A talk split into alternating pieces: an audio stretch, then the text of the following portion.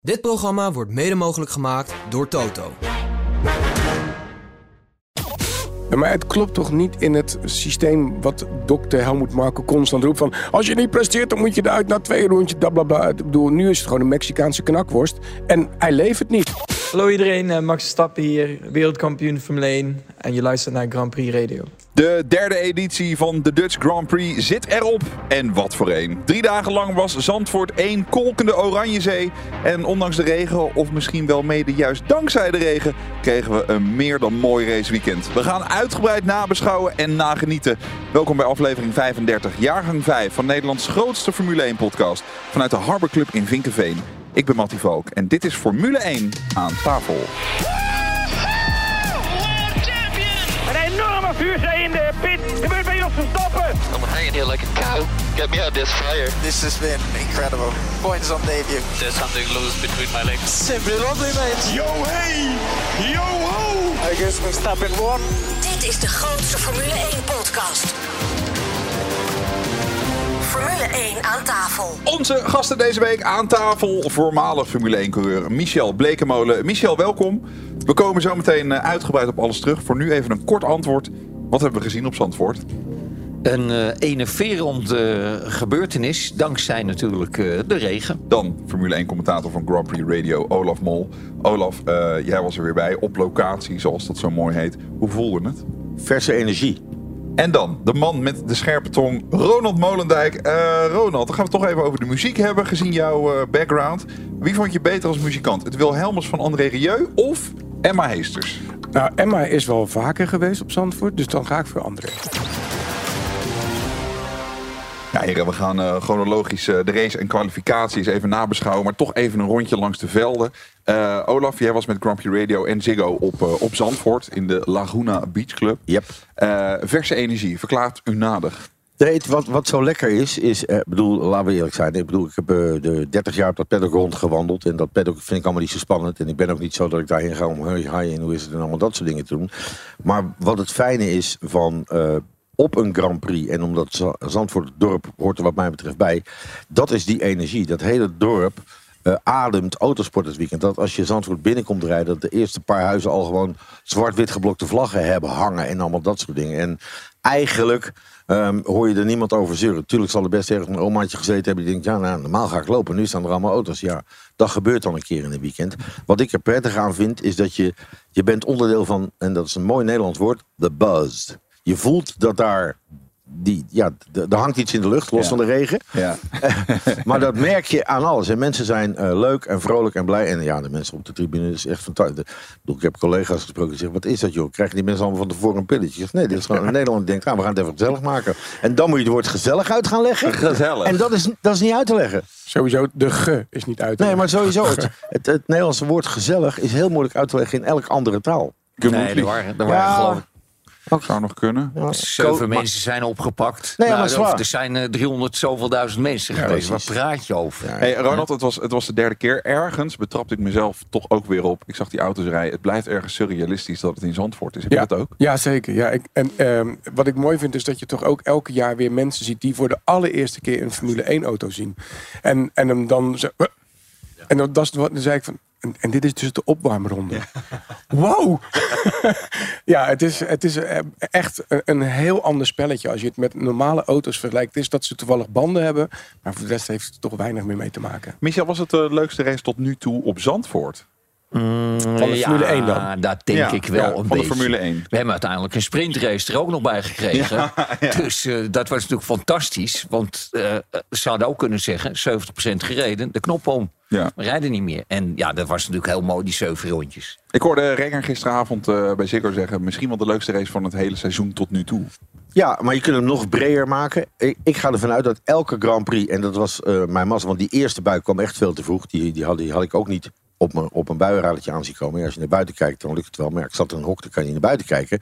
Ehm, droog weerbanden vertrekken en daarna regen en weer terug naar droog en weer... Ja. Dan, dan wordt elke Grand Prix... En er zijn er maar zo weinig waar het gebeurt. De laatste die ik nu zo kan halen is die van eh, Jensen Button... die in Canada won in 2009 volgens mij. Die eh, heel vroeg als eerste naar Slicks ging. Reed helemaal stijf achteraan met nog eh, 26 rondjes te gaan. Rijdt naar voren en in de laatste ronde spint Vettel in de wind. Dat was ook zo'n zo'n aan-af-wedstrijd qua weer, noem ik het dan. Precies. Als je die hebt, is goed. De hele dag zeikende regen, daar wordt die wedstrijd ook niet beter van. Maar we hebben in Monaco dit jaar ook regen gehad. Toen stond iedereen te juichen. Nou wordt het spannend. Ja. Ja, oké. Dat er is niks Monaco. gebeurd. De afstanden dan- bleven zelfs gelijk tussen de Ja. auto's. Ja, Dus, eh, maar je, je kunt daar ook niet veel. Dat, dat is een straatcircuit. het, het was nadeel. hier spectaculair. Tuurlijk. Het weer eh, speelde meteen een grote rol, ook al eh, tijdens de kwalificatie. Laten we daar eens even mee beginnen, heren. Want Max eh, die schoot tijdens Q1 nog even rechtdoor in de Tarzanbocht. Sargent, Logan Sargent van Williams, die zorgde voor een rode vlag door echt een flinke crash. Charles Leclerc die schoot eraf. En toen was er eigenlijk nog een shootout van vier minuten over. Ja, Hamilton in zijn Mercedes haalde Q3 niet en kwalificeerde zich als dertiende. Paar andere opvallende prestaties. Beide Williams-coureurs uiteindelijk wel in de top 10. Perez kwam niet verder dan P7. Russell pakte de derde plek en Lando Norris P2. Heb je geamuseerd zitten kijken, Michel, naar de kwalificatie ook? Ja, heel mooi. Wat ik ook wel bijzonder vind is dat die eh, Williams eh beide natuurlijk De best laatste coureur vertrekt op dit moment. Ja, al. ja. precies. lijkt erop. Helikopter hierboven. Maar eh, dat die Williams natuurlijk ineens ja, van, van spek en bonen ineens weer mee aan het doen is. Ja. Albon, even over hebben. Ja, Ronald. ja, fantastisch. Ja, wat, er, wat ik heel bijzonder vind, is dat er volgens mij één heel klein sponsortje op die auto staat. Sponsor bij mijn, bij mijn moeder of zoiets. Ehm, maar echt fantastisch dat dat ding dan zo hard ineens afgaat.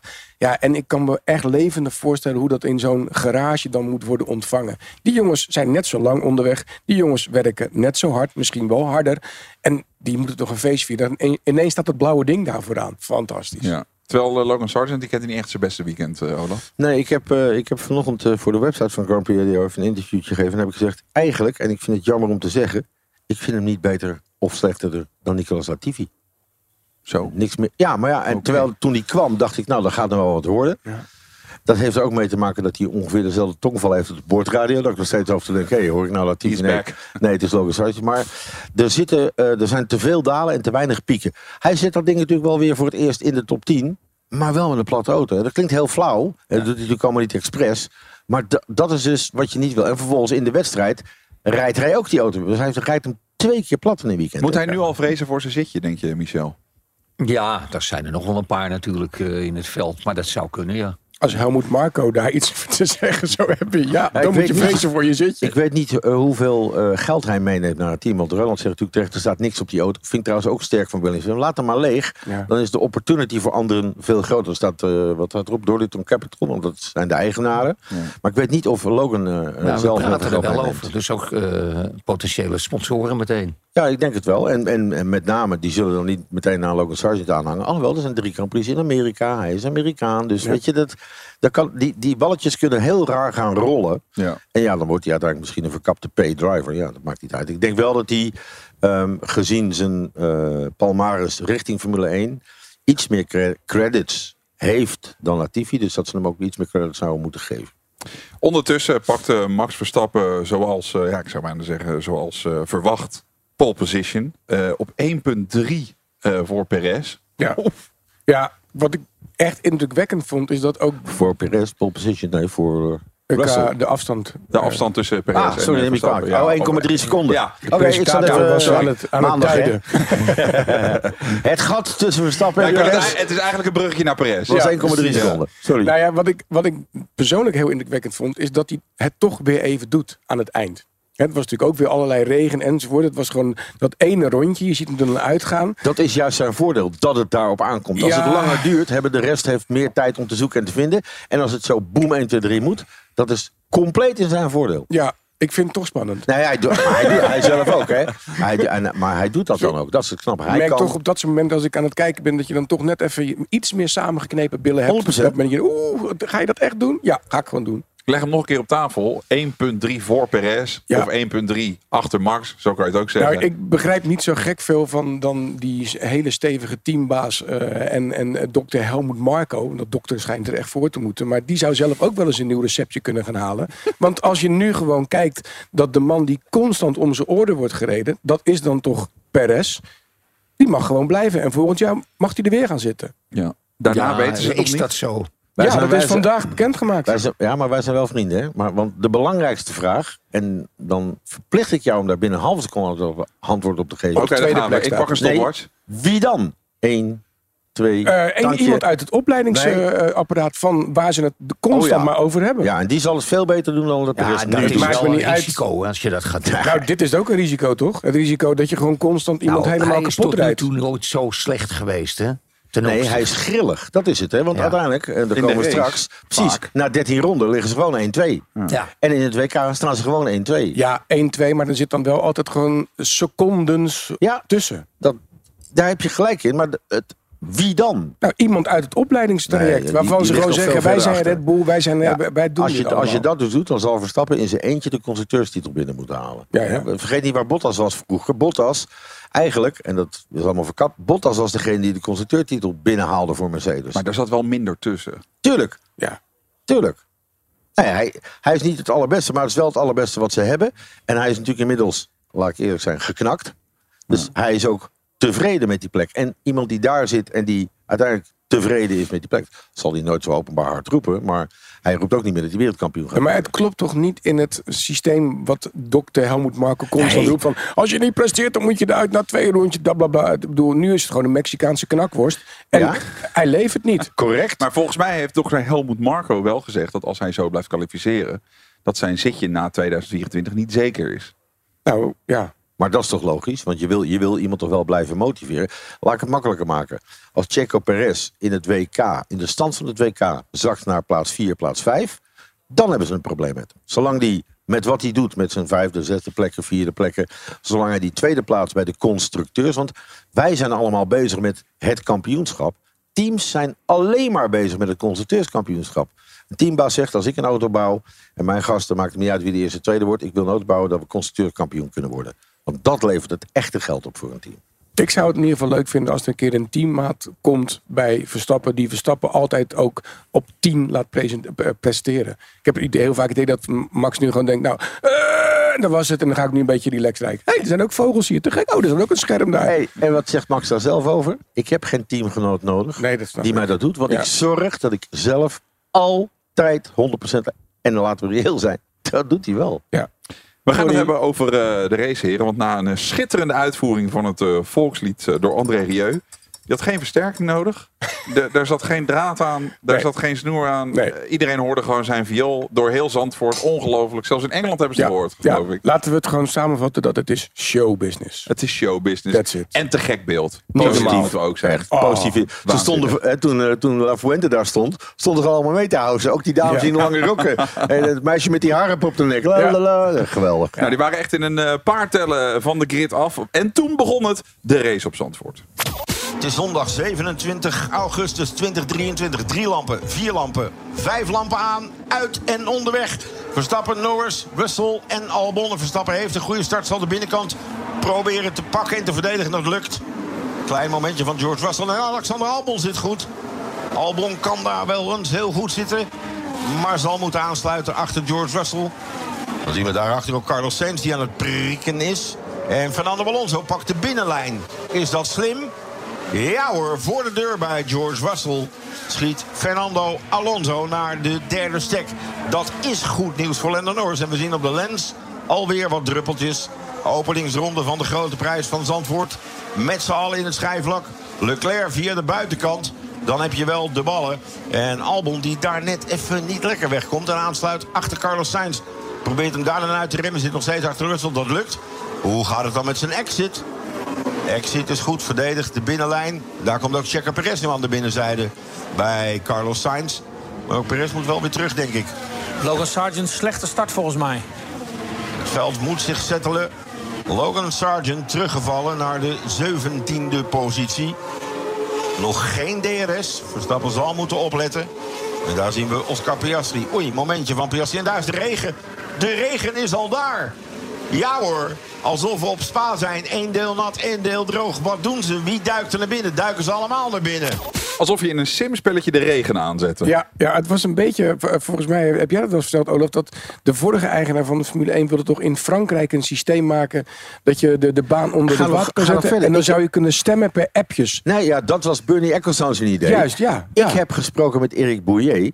Er ligt een regeninstallatie op eh, Paul Ricard. Juist. En ik heb geroepen tegen Eric Bouillet. Als je nou, want die wedstrijd van Frankrijk, los van dat Frankrijk kutland is, eh, is nooit een leuke wedstrijd geweest. Ik heb geroepen, je hebt een uniek selling point. Jij kunt die wedstrijd beginnen op intermediates. En dan doe je één vrije training dat je het aanzet, iedereen kan oefenen.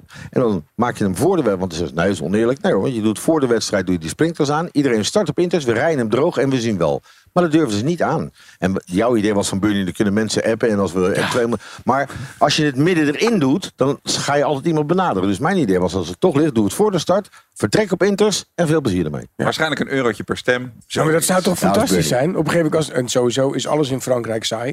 Maar als die race daar eh, bezig is, dat je op een gegeven moment gewoon even denkt, we drukken hem even aan, die baan. Toch?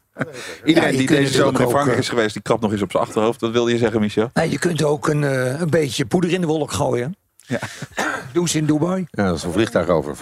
Klinkt als een goed weekend eh, trouwens dit. ja, ik ben nog nooit zo nat uit een raceauto gekomen. Echt ongelooflijk. Ik zit net nog het zand uit mijn ogen te halen. ik had een regenrace gisteren in Dubai. En ja, eh, Dat is ook heel uniek. Ja. dat heb ik ook al meegemaakt daar. Nee, in, eh, in Most was ik. eh. Most, mist, most, mast. Eh, heren, maar toch even over eh, die regen. Wat gebeurde er eh, dan op het circuit? Nou, eh Perez die ging na vier minuten al naar binnen. Ferrari ging naar binnen. Twee minuten later ook Max Verstappen. Slicks, Inters, dat was de grote vraag. Ik zou willen zeggen, het werd een soort tombola. Het, het werd echt een race. Ja, wordt het ook. Wordt Ja. ook. Het is ook de keuze. En, en, en bij Perez, omdat hij natuurlijk de mindere startpositie van twee had. Perez kwam meteen echt als eerste naar binnen. Ja. Waarom ze dat niet met Max doen, is als de rest er achteraan zou komen, heb je kans, als die pitstop niet goed gaat, dat je van je plek niet afkomt, omdat er 14, 15 auto's naar binnen komen. En Perez kunnen ze die keus wel maken. En ja, Perez ging daarna wel als een kogel. Hey, dan zien we nog wel iets opmerkelijks. Want Perez ligt in ronde 13 dan 20 seconden eh, voor op Max. Maar ze halen hem bij Red Bull naar binnen. Hadden ze dat bij Max ook gedaan? Als hij 20 seconden voor lag? Ze hadden het denk de- ik geprobeerd bij Max. En die had denk ik toch weer het ene woordje gebruikt. No. No!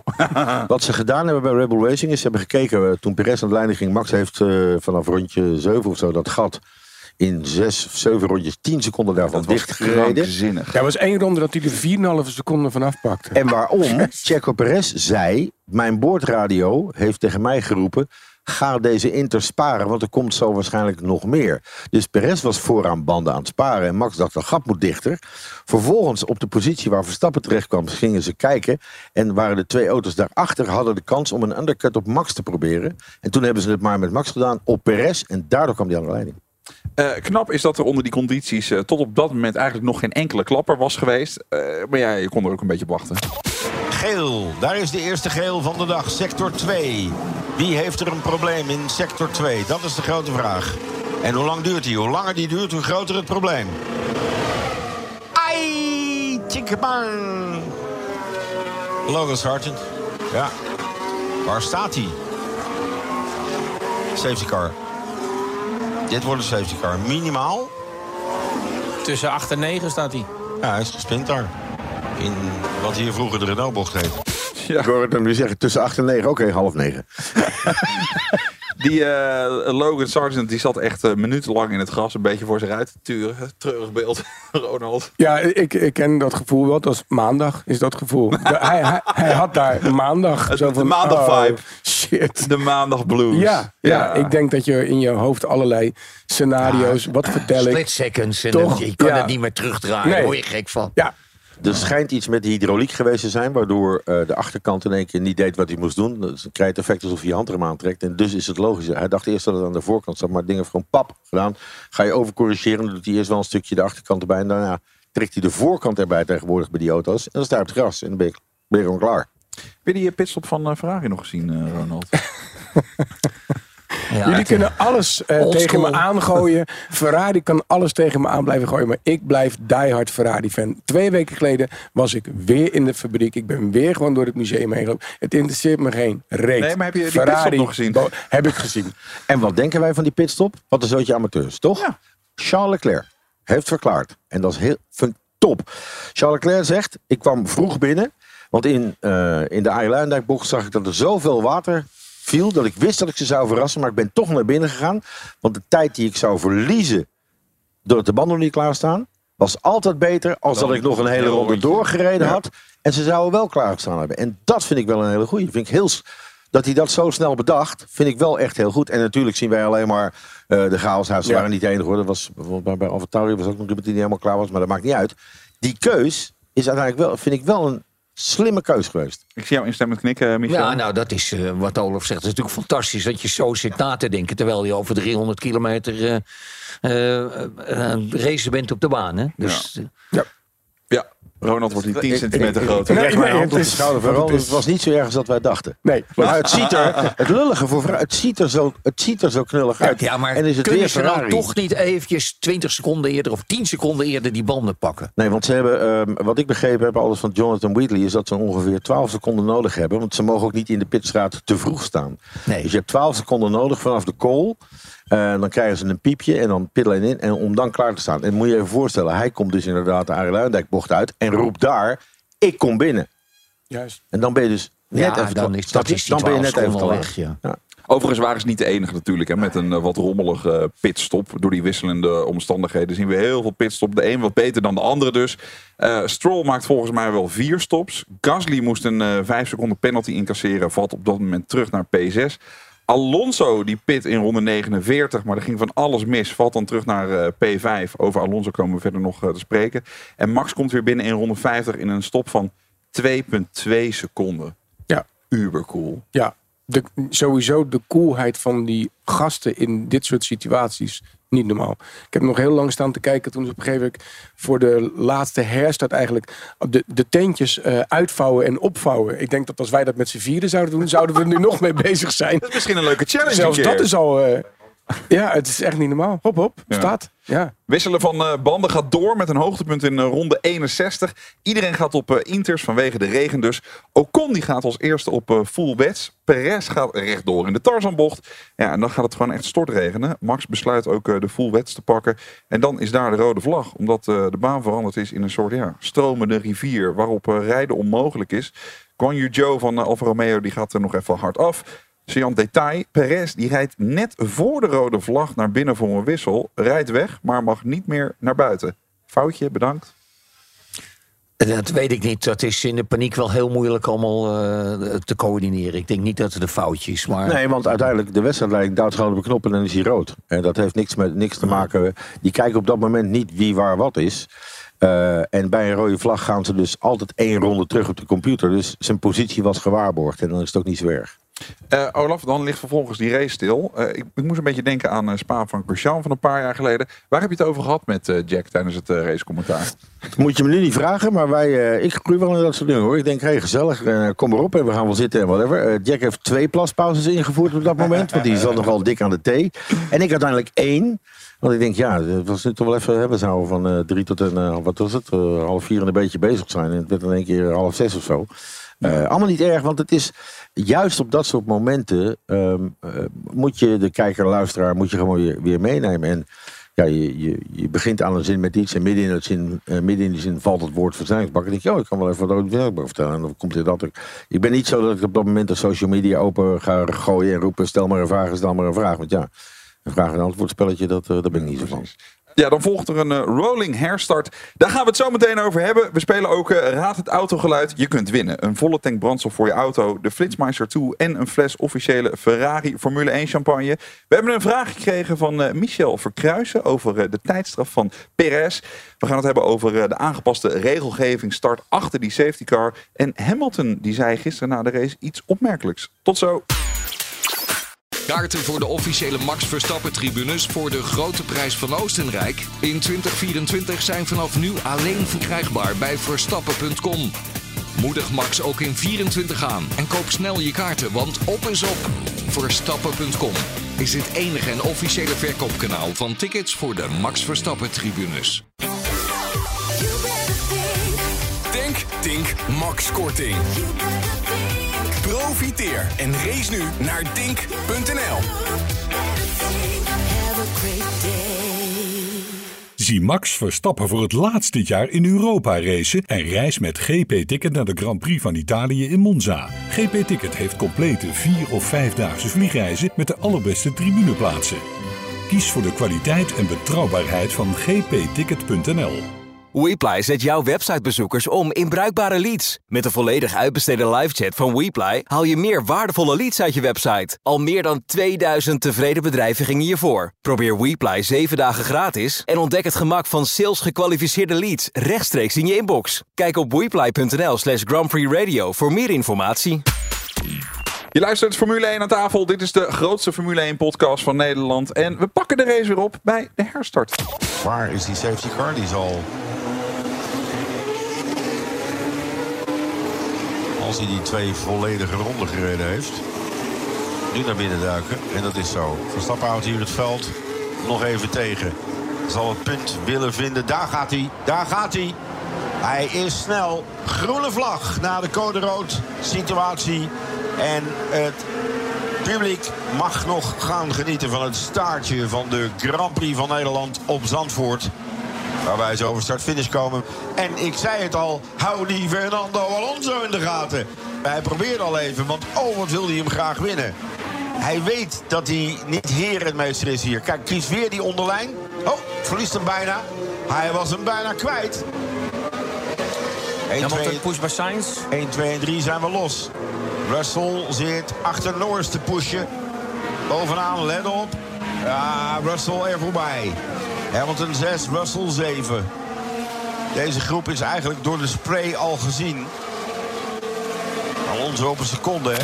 Ja, die Alonso die zat er echt eh, bovenop. Later zei hij nog dat hij overwoog eh, door te zetten bij een aanval. Maar dat deed hij niet omdat hij bang was voor een crash. Nee, hij was, gewoon, hij was gewoon grappig gezegd. Als ik Max hierin gehaald had, ik had gewonnen, was ik het circuit niet meer afgekomen. Ja, dus dat zei hij super Wie graag. weet zit daar nog wel waarheid ook in. Nee, in Nederland niet. Alonso Nee, zeker, ben ik niet- van niet- overtuigd. Niet fysiek, maar Nee.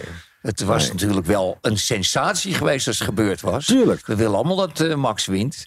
Maar denk erom dat het iets speciaals was geweest, hè? Zeker, en dat, dat wordt, zou zijn 33e overwinning worden uit zijn carrière. Met het oude startnummer van Max natuurlijk 33, dus daar maakt hij ook veel grappen over. Van ja, we zitten wel redelijk gelijk. Hij heeft ook twee wereldkampioenschappen. Hij zegt, nou, ik denk alleen wel dat Max er nog een paar meer bij gaat halen. Dus ze zitten er helemaal goed in. En je hebt gisteren de hele dag kunnen zien dat de ware raceaard van de coureur Alonso, dat, dat matcht.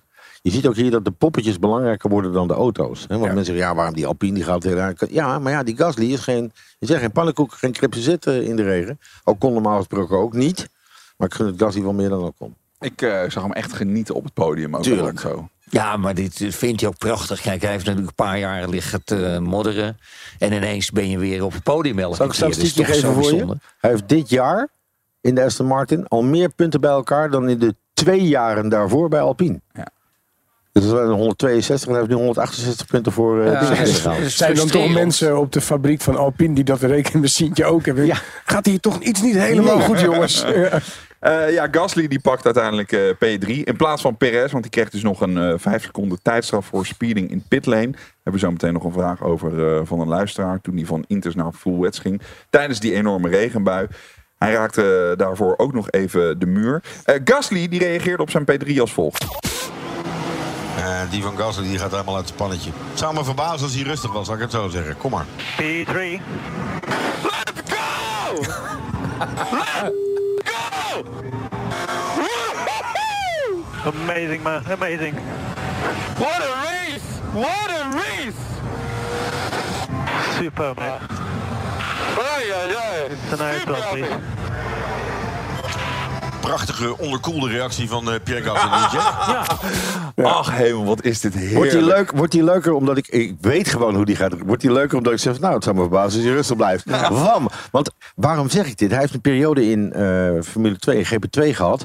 dat hij ook al, als het een keer een podium was zo... Hij heeft, als hij succes heeft, is hij altijd namelijk zo. Alsof hij een wereldkampioenschap wint. Vandaar dat ik Geweldig. zeker wist dat het zo zou Ja. gaan. En hoe authentiek wil je het hebben?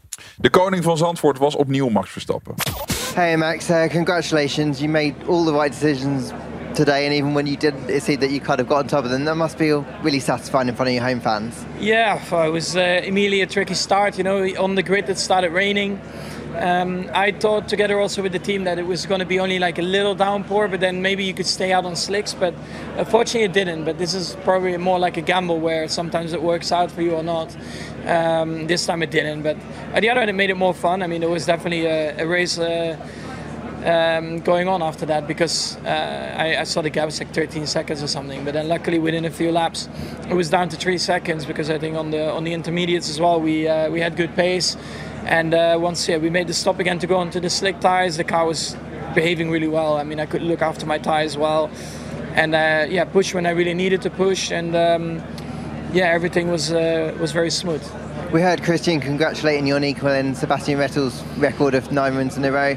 I know that records aren't like what you're after, but it must be satisfying for you and for the team that you're on this incredible run. Yeah, it's, it's of course something I never thought was uh, possible. I mean, to win nine in a row, even when you have the best car on, on, on the grid, it's always incredibly tough. And especially with a day like today, you know, everything is basically against you, and it's easy to uh, to trip up, make a mistake, go off. But we didn't. We stayed calm. And uh, yeah, to win a race like this today is definitely very rewarding. And then, of course, being at uh, your home Grand Prix as well with all the fans makes it even better. Great stuff, thank you. Ja, ik zag inderdaad ook, uh, jij zei dat uh, treffend gisteren bij, bij Ziggo aan tafel, misschien heb je het ook wel gezien, dat, dat Max was wel degelijk geëmotioneerd daar. Je zag een beetje een bewegend neusvleugeltje, je, zag het in zijn ogen staan. Je voelde het door de beeldbuis heen. Ja, maar zijn hele familie is er, oma was er. Dat is toch iets heel speciaals voor... wij beseffen geloof ik met z'n allen wel een beetje hoe bijzonder het is, maar ja, we hebben een, een, een wereldberoemde held. Dus ja, ik kan me voorstellen dat hij af en toe even een neusvleugeltje laat Ik denk dat hij voor het eerst in drie jaar Zandvoort um, zich realiseerde waarom A, die Grand Prix er is. En dat, dat het echt allemaal voor hem gaat. Kijk, de voorgaande jaren dat hij naar Zandvoort kwam, was hij natuurlijk niet zo dominant als nu. Dus daardoor lag er in het rijden meer druk. Wat, wat denk je als hij hem gisteren niet gewonnen had? Dan is de headline, Max wint alles in het seizoen, behalve, behalve het Zandvoort. Ja. Weet je, en als het dan allemaal lukt en je, en je ziet dat, je hebt dat allemaal meegekregen, dan vind ik het heel fijn om te zien dat het hem echt iets, iets doet. doet. Ja. Nou ja, ik denk dat je ook niet moet vergeten dat ook voor een sportman is het gewoon een heel heftig weekend. Ik bedoel, alles, zodra hij voet in Nederland zet, breekt de pleuris uit qua media. En vervolgens moet je het ook elke keer maar doen. En dit was natuurlijk gisteren ook echt een race waar je er echt even voor moet gaan zitten. Ik bedoel, zelfs als er nog een extra motor in zo'n ding zit, moet je hem toch om even op de baan zien te houden. Het is allemaal niet zo makkelijk, denk ik. En ja, ik kan me voorstellen dat je dan ook moe bent. En dat je dan om je heen kijkt en dan zie je iedereen al. Ik bedoel, uh, God weet dat hij mag de koningin knuffelen. Nou, ja. Toen was ik jaloers. Echt? Echt serieus. Oké, okay. nou, daar. Uh, ik heb nog een selfie met Maxima meningen. weten te scoren. Sorry? Was ik ook blij mee. Ik heb nog een selfie met Maxima. Kijk, goed. Ja. Zullen we het ergens anders over hebben? Bijvoorbeeld over een vraag van uh, Michael Verkruisen. Die heeft een uh, mail gestuurd naar f1 aan tafel. Die zegt, uh, heren, Perez kreeg tijdens de race op Zandvoort een 5 seconden penalty omdat hij te snel reed in pit lane. Nu kwam er kort daarna een code rood dus en werden de posities van de ronde ervoor gehanteerd. Zou dit dan ook niet betekenen dat de pitstop eigenlijk niet gebeurd is en Perez dan ook die 5 seconden penalty niet had moeten krijgen? Nou, voordat het reglementenboek rechts van me aangaat. Eén ding. Van alle dingen die je verkeerd kan doen, vind ik te hard rijden in de pitstraat toch wel het stomste. Er zit toch gewoon een knopje nou, op je stuur dat je indrukt. is het knopje dan niet goed ingesteld. Dus uh, of hij komt net even te hard aanrijden en dat hij niet op tijd heeft geremd. Dat dus, is dom. En de rijder kan nog een fout maken. Maar als het verderop gecontroleerd wordt, dan is de reflimmerter net iets te hoog. Ik vergelijk het een beetje met mijn cruise control op de A2. Als ik daar een boete krijg, denk ik ook altijd, ja, dom. Ja, ik heb gewoon dat is toch gewoon, bedoel, van alle dingen die je een coureur kan verwijten, dat je hem in de vangrail hangt of weet ik. Maar dat is toch gewoon echt dom. Nou, hij gleed, hij gleed over raakte de muur en gleed te hard de pitlane binnen. En als hij hem daar op de pitlane met de van tevoren gedaan was, denk ik in de pit staat achter tevoren gaan, want dan moet hij in één keer afremmen. Dus hij heeft hem maar genomen. Okay. Even terug naar de vraag van die jongen. Uh, die stelt namelijk, heeft de pitstop dan niet plaatsgevonden? Nou, als je kijkt, hij heeft die pitstop gedaan. En daarna, op het moment die wegreed, kwam die code rood in pitlane. Hè, zoals ik net al uitleg. Dan doet de wedstrijdleiding gewoon dat. Los van het feit dat ze daarna een startopstelling maken van die ronde terug. Of een uitslag van een ronde terug. Dus je kunt niet in één keer uh, die pitstop uitgummen. Nee, die, heeft, die heeft hij gewoon gedaan. En daar heeft hij die straf uh, uh, voor gekregen. Ja, dan wordt hij aan het einde van de rit opgeteld. Omdat er daarna niet nog een pitstop kwam. Uh, en zo werkt het reglement. En dat is bij FIA altijd zo. Het is echt net hard het reglement. En ze kunnen niet in één keer uh, iets wegpoetsen. Dat hebben ze nog nooit gedaan. Nog één laatste vraag aan de presentator van dienst om je IQ te checken. Maar hoeveel boetes krijg je dan op een trajectcontrole met je cruise control? We gaan snel door. Over het eh, reglement gesproken van eh, de FIA. De regelgeving voor de bandenkeuze voor een natte herstart achter de safety car wordt aangepast. Normaal eh, moeten wagens dan op de full wet starten. Maar in Zandvoort werd bepaald dat, tijdens, eh, dat de wedstrijdleiding alleen hier mocht beslissen of de coureurs bij een herstart achter de safety car op inters of full wets mochten starten. Eh, Olaf, kun je dit ons eens uitleggen? Wat is de regel precies en waarom die beslissing? Ja, de, je, je begint de zin geloof ik met de regels worden aangepast. Nee, de regels zijn, Zijn aangepast. aangepast, ja, alleen maar voor Zandvoort. De pitstraat is hier zo smal. En als je dus een situatie krijgt waarbij iedereen verplicht wordt op regenbanden weg te rijden. En allemaal halverwege denken we moeten nu naar binnen.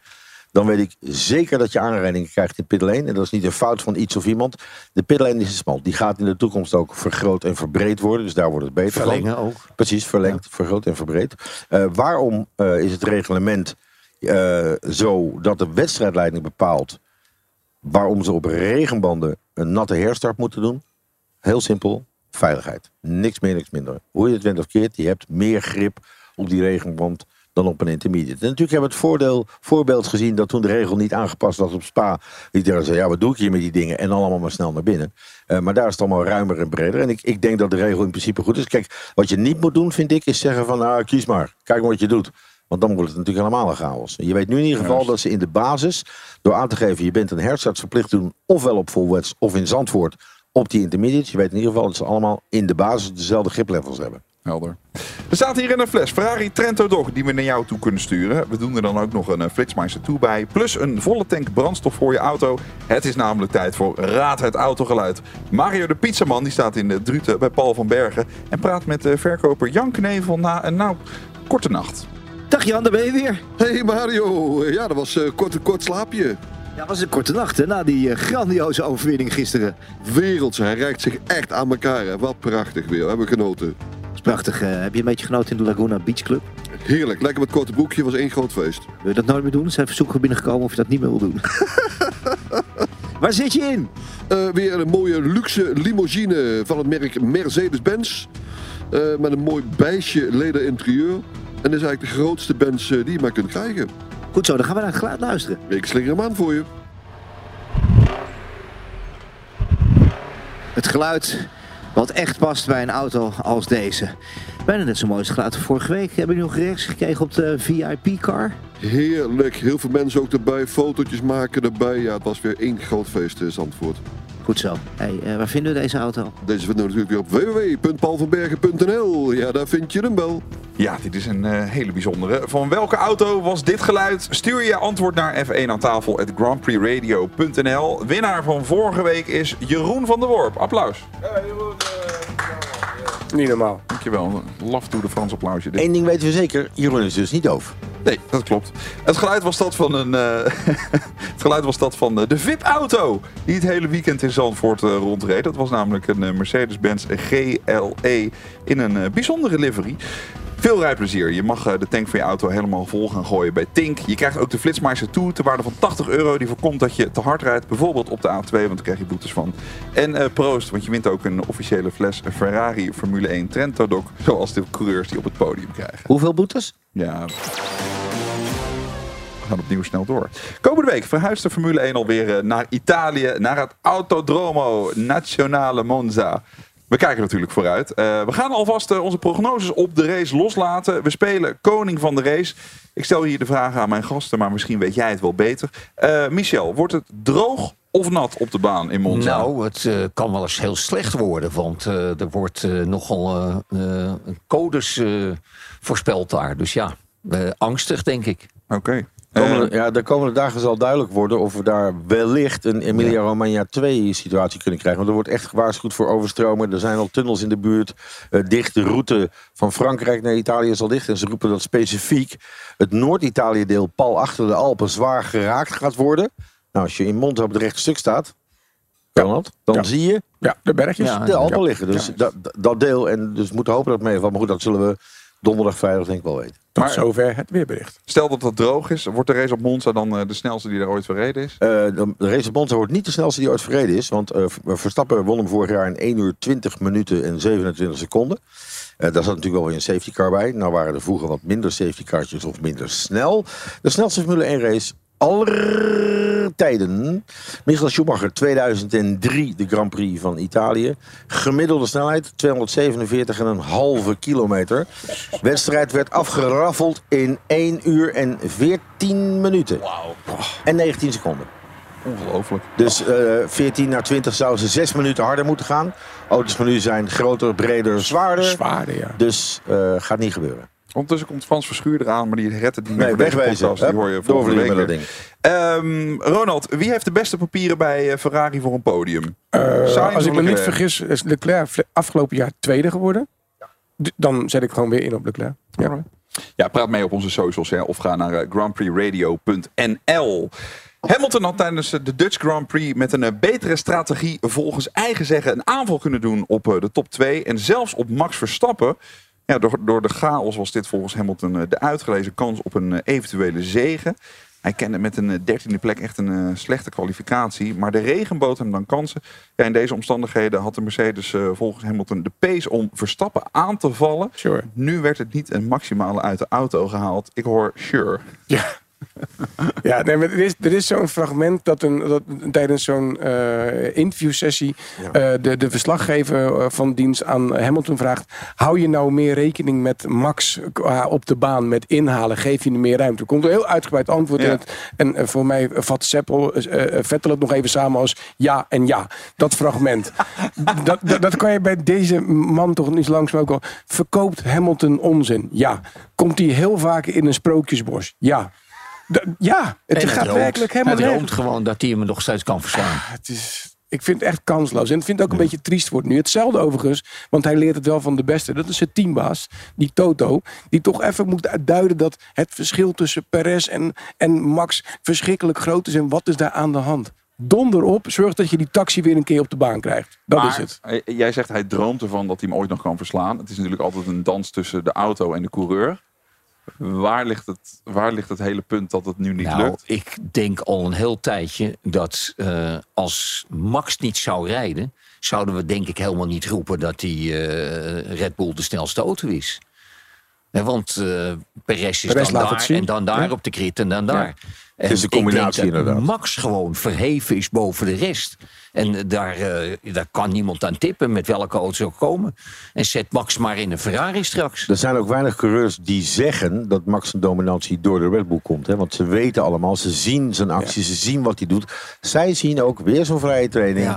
Rondje 1 zet hij de ding op 99,8 procent. Hij, hij, hij laat daar niks liggen. En anderen bouwen dat op. Want die denken, ja, als ik hem nu afhang. En Max denkt, ja, als hij eraf En, gaat... en autocoureurs zijn de laatste die dat willen toegeven voor een concurrent. Kunnen we nog even Ja. terug naar Hamilton? Ja. Zeg maar, wat- je was nog niet klaar. Nee, precies. Ehm, want hij vertelt in die verklaring ook nog eventjes... dat de, de, de pitstopstrategie van het team er ook voor zorgde... dat het gewoon niet goed ging. Hè, dat hoorden we ook en dat was ook in het... Maar hij zit in die auto.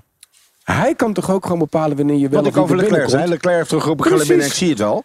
Ik zie dit, Ja. soort, eh, dit soort acties bij, bij dat soort coureurs, die wel wakker zijn, niet gebeuren. Ik denk niet dat het bij een Max, ook niet in een slechte dag, zo mis zou kunnen gaan. Niet op dit level meer. En dat, dat, het is de hele tijd bij, bij eh, meneer Hamilton wel. Ja, we winnen met z'n allen en we verliezen met z'n allen, behalve als hij verliest. Dan staat hij toch heel snel te, te wijzen naar het team. Ja, zij hebben het verkeerd gedaan. Vind ik niet netjes. Toch nog even terugkomen op wat jij net zei, eh, Michel. Ik kwam eh, Gijs van Lennep tegen eh, in de Laguna Beach Club afgelopen weekend. Die zei, de beste coureur zit altijd in de beste auto. Nee, dat, ja, dat lijkt natuurlijk heel snel zo. Maar ik denk niet dat het. Nou, ik denk dat het redelijk goede auto is. Hè. Laten we daarvan uitgaan. Maar ik weet niet of die auto boven alles verheven is. Nee. Want ik denk dat Max gewoon er beter is. Ja, in handen van Max wordt die auto eh, Dat ook natuurlijk. weer een kantje Dat is eigenlijk wat hij zei, Dat ja. is ja, een, maar nee, dat, dat is logisch. Ja. Ja. Maar er zijn er wel die ook geroepen hebben. Hè? De Dr. Helmut Marko vroeg, als je Max nu in een uh, Alfa Tauri zet, dan haalt hij daar ook meer uit dan dat is. En, er zit gewoon, en daar moeten we blij mee zijn. Het zit meer in het poppetje dan in de auto. Vroeger hadden we natuurlijk auto's, weten jullie waarschijnlijk niet meer. Was de versnellingsbak vol automatisch. Kom je bij de Tarzan aanrijden, duw je op knop, schakelde die automatisch terug naar twee. Wat is dit nou weer voor een opmerking? midden Weten jullie ook waarschijnlijk niet meer. Nee, wij kijken Ja, pas ik Formule kijk- wij 1 zijn Mattie. sinds Max. eh, Wij zien oké. er gewoon heel jong uit. Ja. En wat gebeurde er dan Tarzan uit? Nee, precies. Nee, Ja, dus zien er op heel een knop en ging die automatisch naar Precies. 4, want de geirlag was in 4, dan was het zo geweest. Was gewoon per bocht bepaald in welke versnelling je moest staan. En vandaar dat ze toen teruggegaan zijn dat het op- en terugschakelen moest een handeling van de coureur worden. En wat dan nog wel eens misging, is dat de GPS de datum kwijtraakte. En dan was je gewoon, als je even van de baan Ja, af was, wist die auto niet meer waar je precies was. Wil je nog meer weten? Heb jij nog een verhaal in 1903. het kader van opa verteld, eh, Michel? Nou, nee hoor, ik, vind- dit is allemaal kwats wat ze zeggen. Daar moeten we niet in luisteren. Tot zover Formule 1 aan tafel voor eh, deze week. Ik dank jullie voor jullie aanwezigheid. En mag jullie alle een fles officiële Formule 1 Ferrari Trento Doc aanbieden. Volgende week zijn we er natuurlijk weer. Dan is eh, Frans Verschuur er weer bij. Schrijft de coureur Jeroen Mul aan. En is eh, Olaf er opnieuw. Tot zover Formule 1 aan tafel. Redactie in handen van Sjaak Beumer. Vormgeving en montage Marnix Westhuis. Draaiboek en productie Mario de Pizzaman. Ik ben Mattie Valk. Blijf nog even hangen voor de bonus. Dit is de grootste Formule 1 podcast. Formule 1 aan tafel. Wat zet jij nou die miep over die Tarzanbocht? Welke Tarzanbocht? Ja, je hebt een hele, hele pistol in Tarzanbocht. Oh, en oh, nee, die nou, doet het fout ho, en die ho, doet het fout en die doet... Ik Lieve heb luisteraars. perfecte dingen gezien in Lieve- Tarzanbocht. lieve En jij begint weer te miepen. Het wordt nu grimmig. Zullen- Precies. Lieve luisteraars, haal even dat mes bij Olaf weg. want Dat gaat niet goed. Lieve luisteraars, er is een appgroep en eh, daar zit ik ook in. Dat zijn alle mensen die deze podcast maken, voor en achter de schermen. Ik zit Heel daar niet fijn. in. Hè? Jawel. Nee, eh, Nee, het gaat om meningen, Mattie. gaat het mis. en het viel mij op, ik was inderdaad het hele weekend in de Tarzanbocht te vinden. Dat wil zeggen, daar was ik aan het kijken. Dat eh, eh, Formule 1 coureurs niet allemaal de regenlijn nemen. Nou heb ik ook een racelicentie en ik heb toen een keer geleerd dat als het regent, moet je zo hoog mogelijk in de bocht blijven hangen. Kijk ik gelijk even naar links. Daar zit ook je een moet baas van de een, eh, van een school. lijn volgen waar de meeste grip is. Precies. Dus ik dacht, ik stond daar. Ik heb ook een keer het lef om een vraag in die appgroep te stellen. Dat doe ik dus ook nooit meer. Nou, iedereen, iedereen lachen. Ja, ha, ha, ha, de pannenkoekvraag. Dus ik hoop nu dat ik links, heb ik toch een klein beetje gelijk gekregen. Maar toen kwam Olaf rechts in de appgroep. Nee, met deze Formule 1 auto's, zoveel grip. Dus ik ben Kortom, je krijgt een antwoord in stereo links-rechts. Links zegt, Ja. je hebt gelijk. Rechts zegt, waar heb je het over? Nee, ik denk dat Michel met mij meegaat. Wij leerden vroeger hè, bij Huub Vermeulen in de racing school. Tarzanbocht, je rijdt door tot helemaal bovenaan. En dan Ja. duik je naar beneden om een betere exit te hebben. Ja. In de loop der jaren, door de verandering van alle auto's, zijn wij eerder in gaan sturen en tot aan het clipping point gaan remmen in de Tarzanbocht. En daar meteen weer op je gas Dat gaan. klopt. Dat klopt. Maar als we stortregen hebben, is dat natuurlijk toch allemaal anders. En dan moet ik helaas jou nog een beetje gelijk geven. Er was geen stromend water, er was geen stortregen. Ik stel voor dat we de podcast nu afronden. Gewoon punt. Nee, maar we, ik kan me herinneren dat Max nog een keer in de regen Precies. reed. En die nam een, Dat zei hij in zijn Brazilië. eigen lijn natuurlijk. Ja, in Brazilië ging hij buitenom bij, eh bij Ja. Nico Rosberg. Daar kwam Ronald ook mee. Alleen dat was veel natter dan dit. Als er stromend Ja. water is, moet je op Zandvoort, weet je ook, om de plas heen rijden. Maakt niet uit welke lijn het Ja. is. Precies, maar die waren er niet. Het was gewoon nat. En dan rijden de huidige Formule 1 auto's echt gewoon de kortste lijn. Want als je 500 meter extra gaat rijden, eh, maal vier rondjes, 400 meter. Nou, Maar ja, tel maar op. wat hebben we dan met Hugelsbocht? Dan rijden ze 10 meter om. Ja. En dan zijn ze tiende sneller. Ja. Dus, Even voor eh, alle duidelijkheid, deze podcast, podcast gaat over Formule 1. En als het over nat of heel erg nat of natter gaat, zou het ook een relatiepodcast kunnen zijn. Ja. Tot zover. Ehm, eh, kan wel de- Het eten is nog onderweg, jongens. Eh, dus het jou mes eh, bij. Olaf kan weer terug. Eh, we zitten namelijk in de Harbor Club in Vinkenveen. Wat staat er op tafel? Tim! Nou, we hebben eh, om te beginnen iets nieuws. We hebben de zeeduivel hebben we in huis gehaald. Oh. Is dan eh, van diep onder het water. Oh, zelf Eh, gehaald? Nou, net niet. Maar eh, wel zelf besteld. Ja, zo, zo klinkt het namelijk. Eh, daarbij wat eh, onze Thai soy dressing en wat gebakken groentes. Hebben we hier de beef taco, afgemaakt met parmezaanse kaas en wat bosui. De salmon torch maki roll met nou ja, zalm afgebrand met teriyaki saus. Mhm. De crispy gamba's. Hebben we hier de avocado tacos, compleet vegetarisch, met een kimchi dressing. Heerlijk. De budamaki, vegetarisch sushi roll. En wat eh nigiris met avocado en tofu. Waanzinnig, Tim. Dankjewel. Eet smakelijk. Eh, Ronald uit eh, Compassie met Daniel Ricciardo eten we vandaag alleen met onze rechterhand. Dat je het weet. Let op. Alle gebruik van hetgeen in deze podcast F1 aan tafel wordt opgemerkt is ongeoorloofd. Zonder expliciete schriftelijke toestemming te zaken verkregen van Grand Prix Radio. Met inachtneming van een duidelijke, deugdelijke bronvermelding met link.